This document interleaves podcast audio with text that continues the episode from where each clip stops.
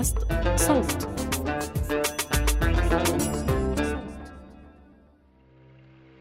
كان يا مكان في قديم الزمان.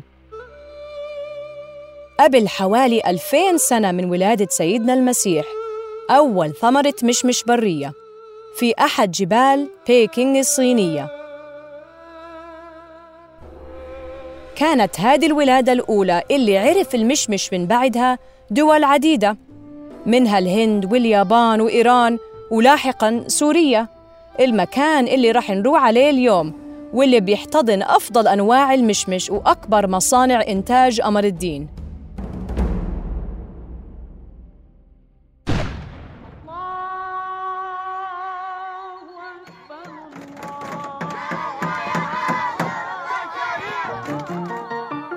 مستمعاتنا ومستمعينا الكرام بدنا نحكي قصص عن أكلات هالشهر الفضيل.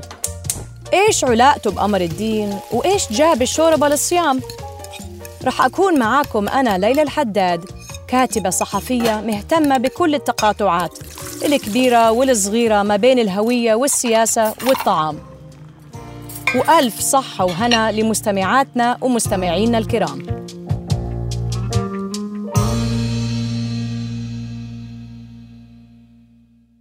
طبعا أنا كبرت وترعرعت في غوطة دمشق وعيت على يعني على قطاف المشموش وصنعة أمر الدين. جو شعور يعم البلد ويعم الضيعة وهو موعد قطاف المشمش يعني سبحان الله في هتلك الأيام تحس إنه عرس عرس في البلدة طبعا بالنسبة لروتين قطف المشمش إحنا كنا نخرج صباحا هذا صوت عبد الحميد. ضيفنا الأول للحلقة بيحكي لنا شوية عن حاله. هلأ نحن نملك أراضي في غوطة دمشق ما يقارب 30 دنم مزروعين مشمش. طبعا أنا كبرت وترعرعت وهذه الأراضي موجودة من زمن جدي رحمه الله إلى والدي وأعمامي. فكانت هذه الأراضي هي مصدر رزق. فكانت إحدى منافذ البيع كانت إحدى المنافذ هي معامل أمر الدين المشمش أنواعه مختلفة بس بتخيل مش كل الأنواع بينفع تصير أمر الدين مش هيك؟ طبعا هلأ المشمش أنواع يعني اللي اللي ما بيعرف بهذا الموضوع يعني ممكن يفكر إنه المشمش نوع هلأ نحن بمزرعتنا يقارب عندنا ست أنواع من المشمش أو خمسة ما عاد أذكر بالضبط. في مشمش بلسم في مشمش وزري في مشمش تدمري في مشمش نحن بنقول عنه كلابي وفي مشمش سكري أو فرنسي يعني. المشمش الكلابي دائما وقت اللي كنا نروح نبيعه هذا يتاخد بسعر آه، بسعر أغلى. ليش؟ السبب إنه نوعية هذا المشمش سبحان الله يجي صغير يجي ناعم حبته ناعمة ومطاول مو مثل المشمش مدور يعني فيه فيه حموضة هيك ناعمة وفيه حلاوة. هلأ المشمش البلسم يختلف المشمش البلسم نحن قطر قطر العادة يعني. تاكلي يعني تاكلي قطر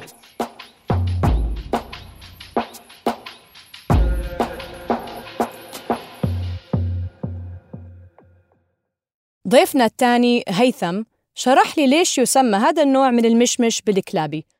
اشتغل هيثم منه هو صغير في صنعة أمر الدين وهلقيت هو مقيم في مصر ومستلم منصب التسويق الخارجي في شركة عيلته اللي بتنتج أمر الدين.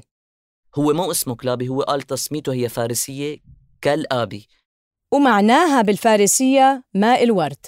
حتى بيقول هو بالكتاب. طبعا الكتاب آه، الأستاذ محمد كرد علي أصدر هذا الكتاب عام 1949 فهو من هداك الوقت تقريبا عن نقول من 100 سنة عم عم يتكلم هذا الكلام بيقول إنه المشمش اللي موجود بالغوطة بالحرف بيقول يضاهي مشمش كاليفورنيا بجودته وقوته خلال مقابلتنا مع هيثم ضل يأكد إنه مشمش غوطة دمشق غير يعني مش زي أي مشمش تاني في العالم.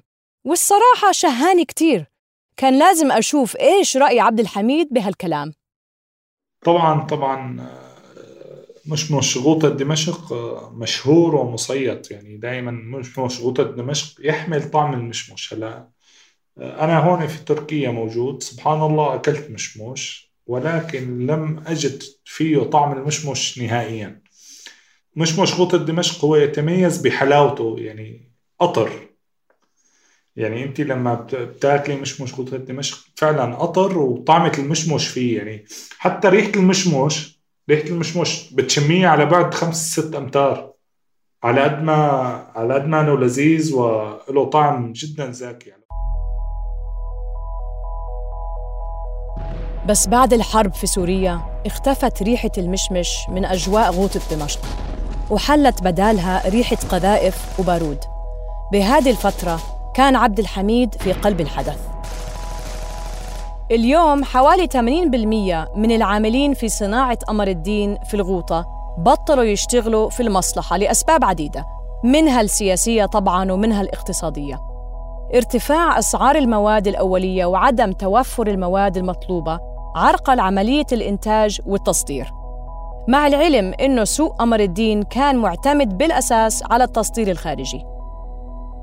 هلا لما اشتعلت الحرب في كانت غوطة دمشق هي من أوائل البلدان الذي ساروا على هذا النظام الفاسد المجرم.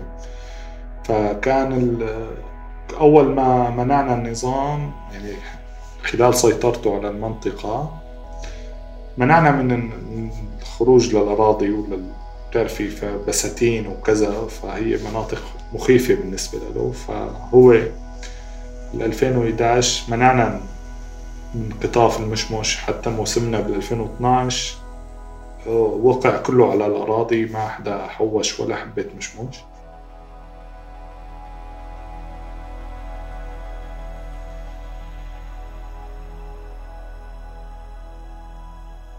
وقدر النظام فيما بعد 2015 2016 قدر يجتاح المنطقة. فهو قبل الدبابات كان مفوت معه تراكس عم يقص كل شيء شجر. كل شيء بشوفه بطريقه من الشجر قصوه وسرق ونهب.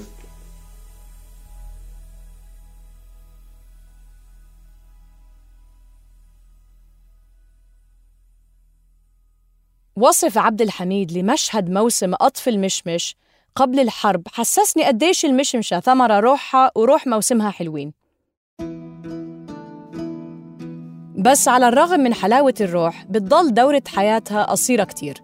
يعني بتموت بسرعة. وتاريخياً كان لابد من إيجاد طرق علشان يعيش المشمش أكتر. ويطولوا روحه ولو بأشكال مختلفة. فصارت الناس تجففه وتعمل منه مربى وبعدين انعمل منه أمر الدين. على مر التاريخ انتشر أمر الدين في دول عربية عديدة. وصرنا نشوفه طبعاً على سفرات الإفطار في رمضان أكثر من باقي أيام السنة. هو بالأصل عبارة عن ألواح مجففة مصنوعة من لب ثمار المشمش. بس عشان يتحول من مشمش لقمر الدين وبعدين لعصير قمر الدين أو حلويات أخرى بمر بعملية طويلة. فبعد ما بينقطف المشمش بينوضع في حوض كبير وبعدين ولا أقولكم أنا مش خبيرة بالموضوع. رح أترك الخبز لخبازه وأخلي هيثم هو اللي يشرح. طبعا أنا هاي المعلومات جايبة من من والدي ومن عمي وكنت أسمع مثلا أيام جدي كان يحكي كنت صغير طبعا ما معلق شيء ببالي بس يعني إنه أسمعهم يحكوا. فكان من زمان ما في ما في مصانع أو معامل ياخذوا العدة كلها على المكان اللي عياخذ عيقطفوا فيه المشموش. هلأ نحن كان في عنا أرض هلأ موجودة بمنطقة بالغوطة الشرقية اسمها الحتيتة. 61 دنم كلها مزروعة مشموش. فكان جدي وأخوه يروحوا على هي المنطقة ويقعدوا فيها ينصبوا خيام أو معمرة ويقطفوا المشمش ويشتغلوا فيه دغري يدوي. فكانت طريقة صناعة المشمش جدا بدائية. كان في غربال وتحت منه غربال تاني. يجيبوا. المشمش يقطفوه يحطوا المشمش بالغربال ويصيروا بإيديهم يطلعوا البزر. ويبلشوا يعصروه بإيديهم ينزل على الغربال الثاني الغربال الثاني يصفي الأمر الدين على طول يجيبوا شجر حور اللي هو الشجر الرومي وكان شجر تقيل يعني اللي عمي اللي بده أربعة ليحملوه يحطوه ويمسكوا الأمر الدين ويحطوه ويمدوه على الجذع الشجر. خلال 24 ساعة ينشف الأمر الدين لأنه هذا أمر الدين صافي. يعني لا دخل له ولا مادة لا جليكوز لا سكر ولا وبيطلع سميك وماله ناعم كتير. وهذا هو يعني تقريبا أحسن أنواع الأمر الدين بس هلأ صعب ينتج لأنه بده تكون تكلفته كتير كبيرة ومتعب يعني.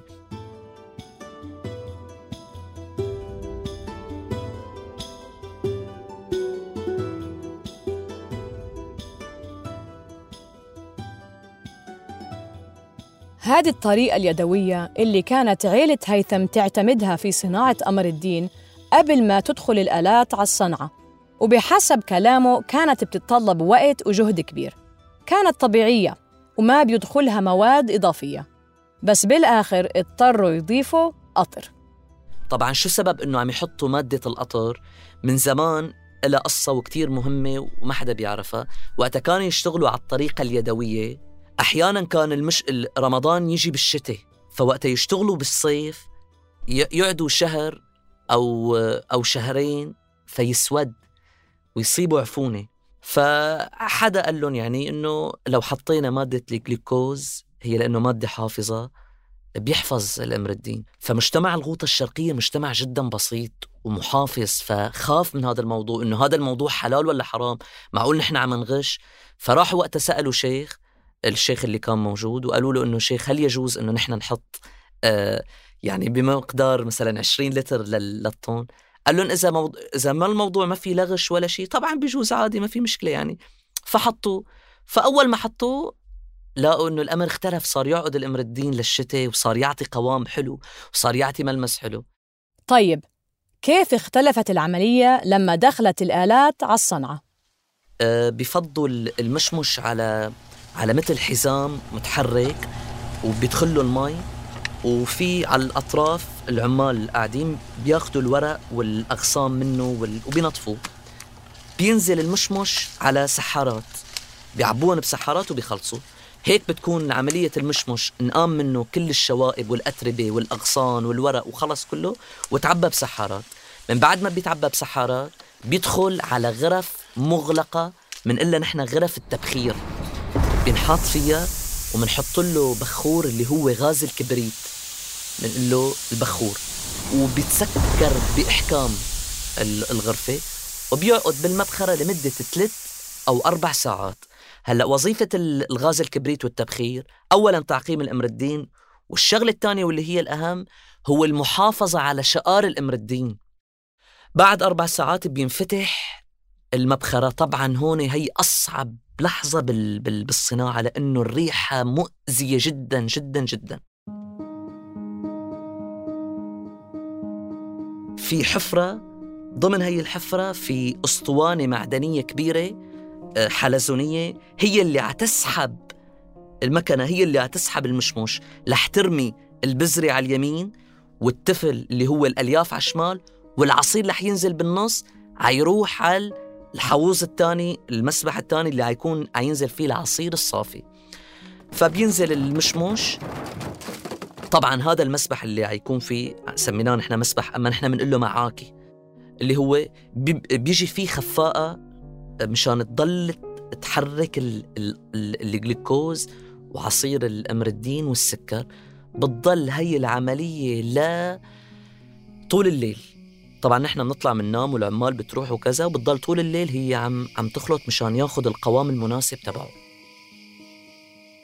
عملية المد هي من أصعب عمليات الإمردين تحتاج المعلمية إنه أنت بدك تحملي العصير وتمديه على الألواح الخشبية اللي من قلة الداف وبدها تطلع قبل ما يطلع الشمس. يعني بدها تخلص قبل ما تطلع الشمس لأسباب. أولا صعوبة العمل بتصير. ثاني سبب سبحان الله عملية التجفيف بت تتم بثلاث أيام أو أربعة أيام.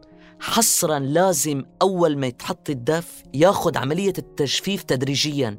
من أول ما بتكون الشمس خفيفة لا تقوى لا لا لا لا لا, لا تغيب ولا تخلص.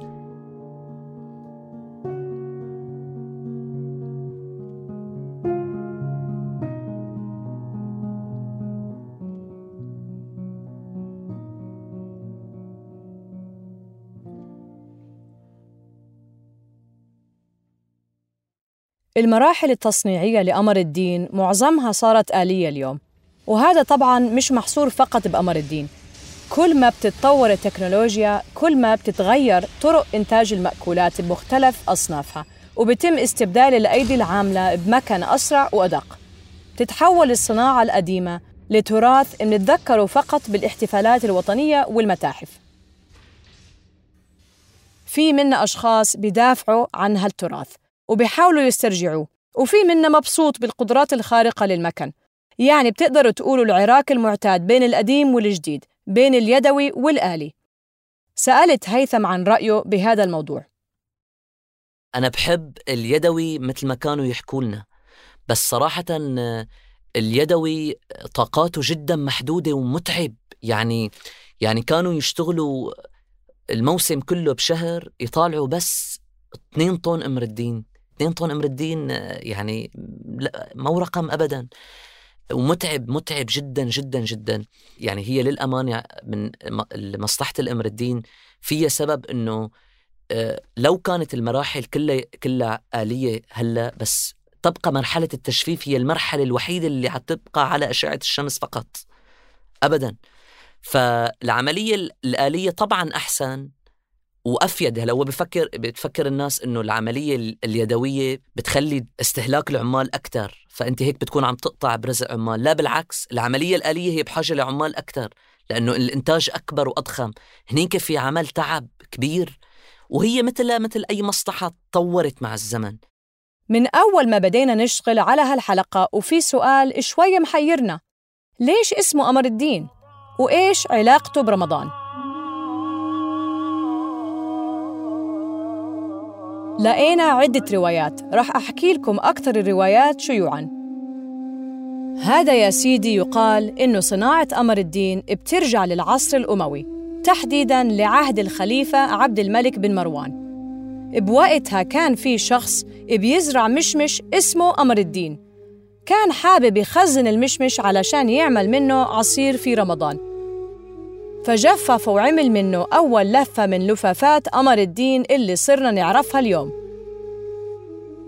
والرواية بتقول إنه أول واحد أكل من هذه اللفافة هو الخليفة بنفسه وعلى ما يبدو حبها كتير لدرجة إنه أمر بتقديم قمر الدين للناس أول ما تثبت رؤية هلال رمضان ومن وقتها انشهر قمر الدين برمضان.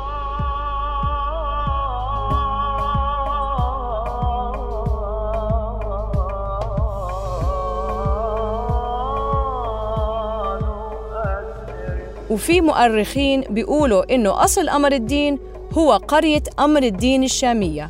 وهذا ممكن يفسر شهرة سوريا في إنتاج أمر الدين وزراعة المشمش من زمان.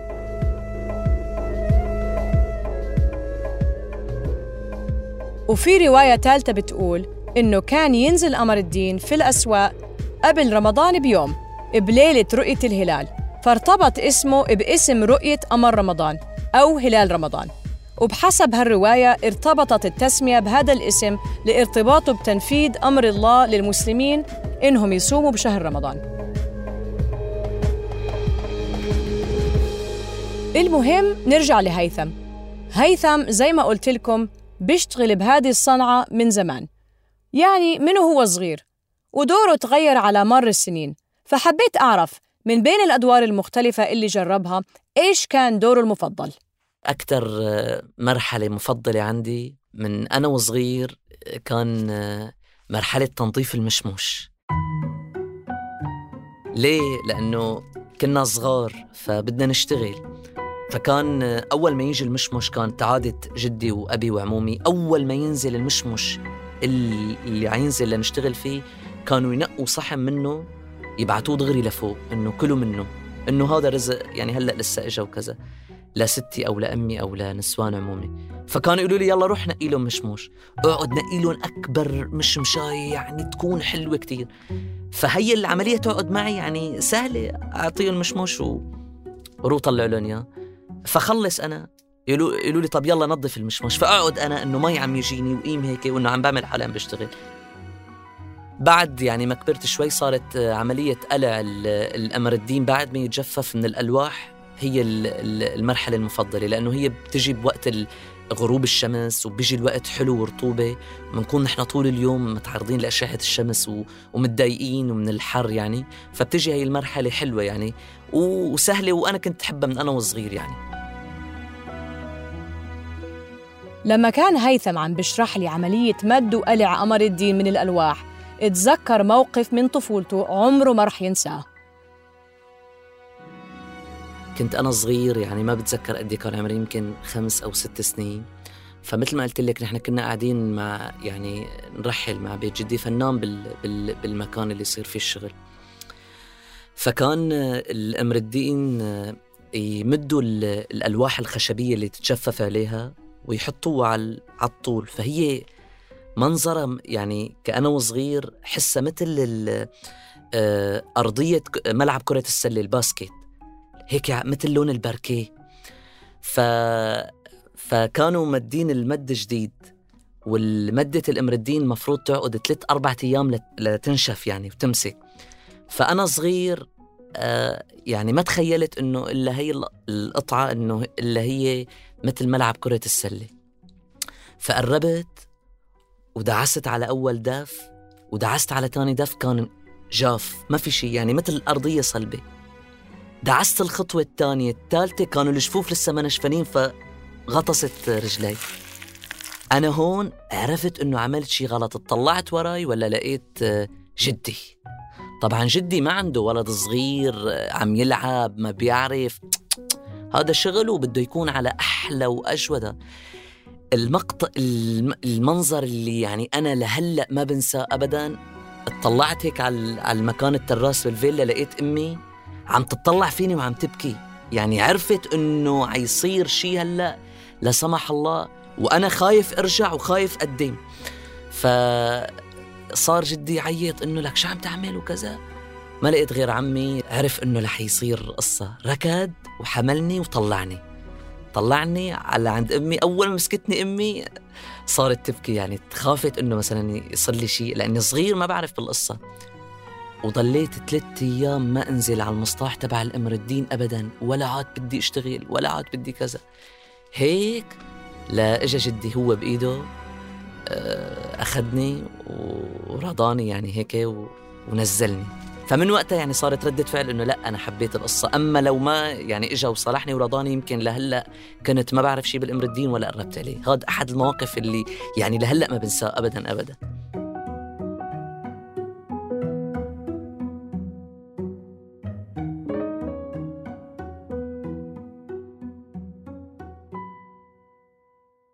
هذه القصة خلتني أتساءل إذا اشتغل هيثم كل هالسنين بصنعة عيلته لأنه حبها ولا لمجرد إنها كبرت معه؟ هي صارت مثل جزء من حياتنا إنه نحن خلص طول حياتنا مع هي القصة. بس وقتها كبرنا يعني أنا حبيت هي القصة لأني اشتغلت فيها. يعني أنا غير إني موضوع وردت عن أهلي لا لا لا, لا أنا اشتغلت فيها و... و... ومشيت فيها وحبيتها و... ومستمر فيها يعني. عبد الحميد اللي سمعنا منه ببداية الحلقة كمان ورث مصلحة زراعة وبيع المشمش من أهله. فسألناه نفس السؤال. سبحان الله يعني لا سؤال والله صعب شوي مشاعري. ما ضل ما ضل مزرعة هو بالأساس. فلذلك ما ضل مشاعر.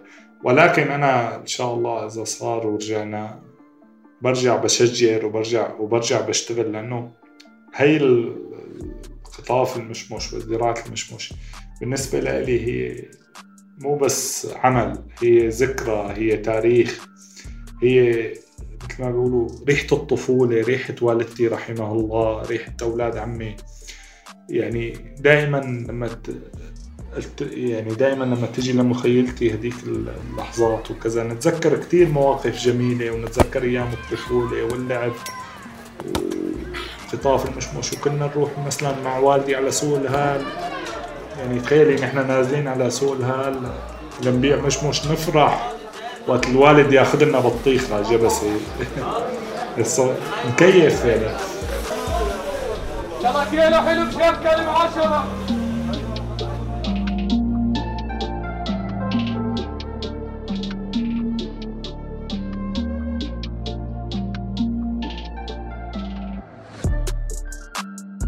بالمناسبة قمر الدين صحيح فيه سكر وأحيانا بنضيف عليه سكر زيادة بس له فوائد عديدة منها إنه فيه فيتامينات كتيرة وبيساعد الجسم على مقاومة التعب والإرهاق وبقوي الأعصاب. كيف؟ والله ما بعرف بس هيك إحنا عنا العرب أي إشي بنربطه بالأعصاب. يمكن علشان دمنا حامي وأعصابنا مش متحملة مآسي وكوارث فمن الآخر إذا بدكم تروقوا شوي بنصحكم تشربوا قمر الدين وقت الإفطار. أو تاكلوه حاف خاصة إنه في حديد خير الله وبيحمي من الأنيميا اللي هو فقر الدم اللي بيعانوا منه أطفال كتير بالمنطقة العربية. خلال بحثنا لهذه الحلقة لقينا وصفات منزلية كتيرة لقمر الدين. الدنيا رمضان وعم نحكي عن قمر الدين وأنا بصراحة رجعت لي ذكريات الطفولة لما كانت أمي تعمل مهلبية تعلمتها على إيدين ستها. اسمعوا لكم هالوصفة. بداية اعملوا أي وصفة مهلبية موجودة عندكم وصبوها في صحون أو كوبايات صغيرة. واللي ما بيعرفوا يعملوا المهلبية هي عبارة عن حليب مغلي مع شوية سكر ومستكة مطحونة وماء ورد وماء زهر وشوية نشا مدوب مع مي باردة. بهاي الأثناء منجيب طنجرة ومنعبيها مي ولو بتحبوا قمر الدين يكون حلو حطوا سكر أو عسل على قد ما بدكم. بس يعني ما تزودوها. جيبوا لفة قمر الدين وقطعوها قطع صغيرة وحطوها في المي. وطوا النار تحت المي. آه صح نسيت أحكي لكم. بالأول ولعوا النار تحت الطنجرة. خلوا قطع قمر الدين تدوب على الآخر وبعدين ضيفوا له معلقتين أو ثلاثة أو أربعة نشا مدوب بشوية مي باردة. وكمان حبتين مستكة ومعلقة ما ورد أو مزهر خلوا المزيج يرتاح نص ساعة وبعدين ديروه على طبقة المهلبية اللي كنتوا عاملينها. وأخيراً زوقوها بفستق حلبي مطحون. وألف صحة وهنا.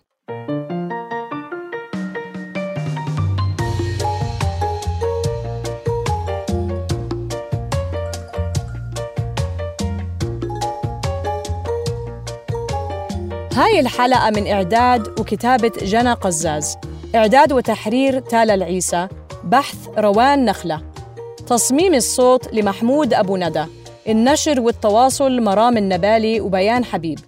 وكنت معاكم من التقديم ليلى الحداد.